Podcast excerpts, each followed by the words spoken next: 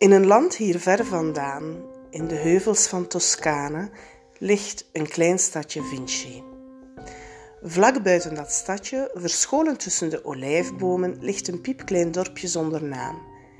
In dat dorpje woonde ooit een jongen die geweldig goed kon tekenen. Zijn naam was Leonardo. Leonardo was de zoon van Piero, een notaris.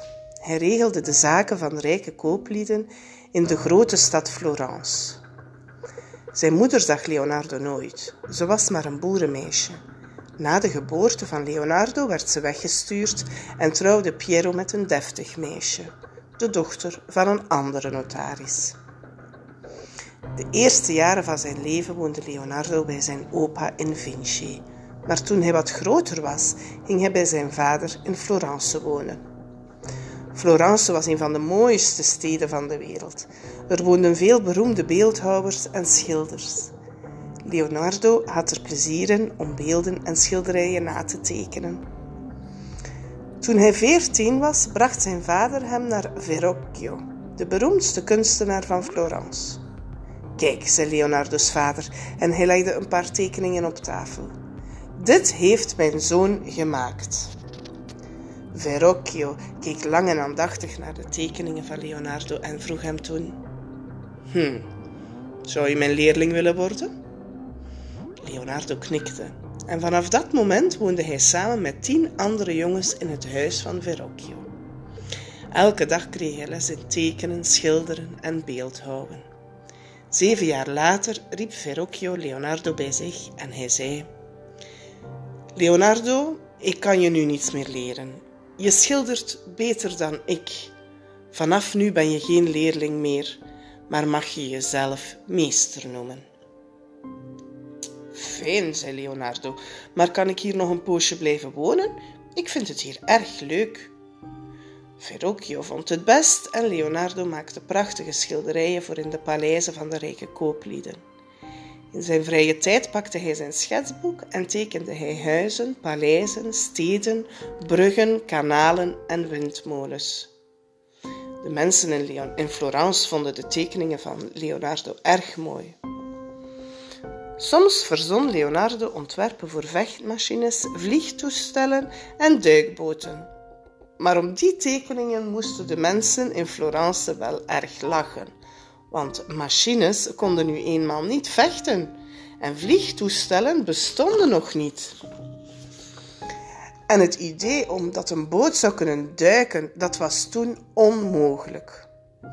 Ook Verrocchio keek er met verbazing naar. Wat was Leonardo toch een rare jongen? Dacht hij nu werkelijk dat mensen konden vliegen? Op een dag pakte Leonardo zijn spullen in en vertrok naar Milaan. Hij vond zichzelf oud genoeg om op eigen benen te staan. Daar aangekomen schreef hij een lange brief aan hertog Ludovica Sforza, de machtigste man van Milaan. Hij schreef: Hoogverheven heer, ik wil graag voor u werken. Ik heb allerlei slimme machines verzonnen. Ik kan u tekeningen laten zien van een machine die kan vechten. Daarmee kunt u al uw vijanden verslaan. Ik kan ook heel goed schilderen. Als u wil, kan ik beelden voor u maken van marmer, brons of klei. Ik zou bijvoorbeeld een bronzen beeld kunnen maken van een ruiter te paard, zodat u alle mensen in Milaan kunt laten zien hoe sterk u wel bent. De hertog voelde er wel wat voor, zo'n beeld van brons, en Leonardo begon te tekenen. Daarna voerde hij het ontwerp uit in klei.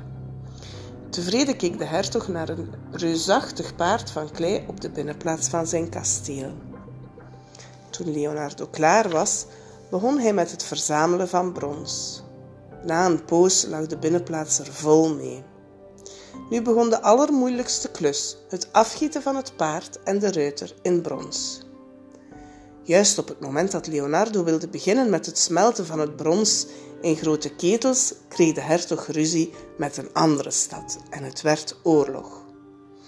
Het spijt me, zei hertog Ludovico tegen Leonardo, maar ik heb het brons nu nodig om kanonnen van te maken.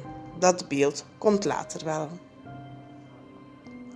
Het bronzen standbeeld van paard met ruiter is er eigenlijk nooit meer gekomen. En van het ontwerp van klei is niets overgebleven.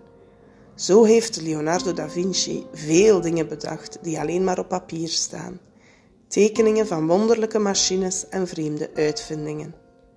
Gelukkig is van zijn werk ook veel bewaard gebleven. In een museum in Parijs hangt een van de mooiste schilderijen van de wereld.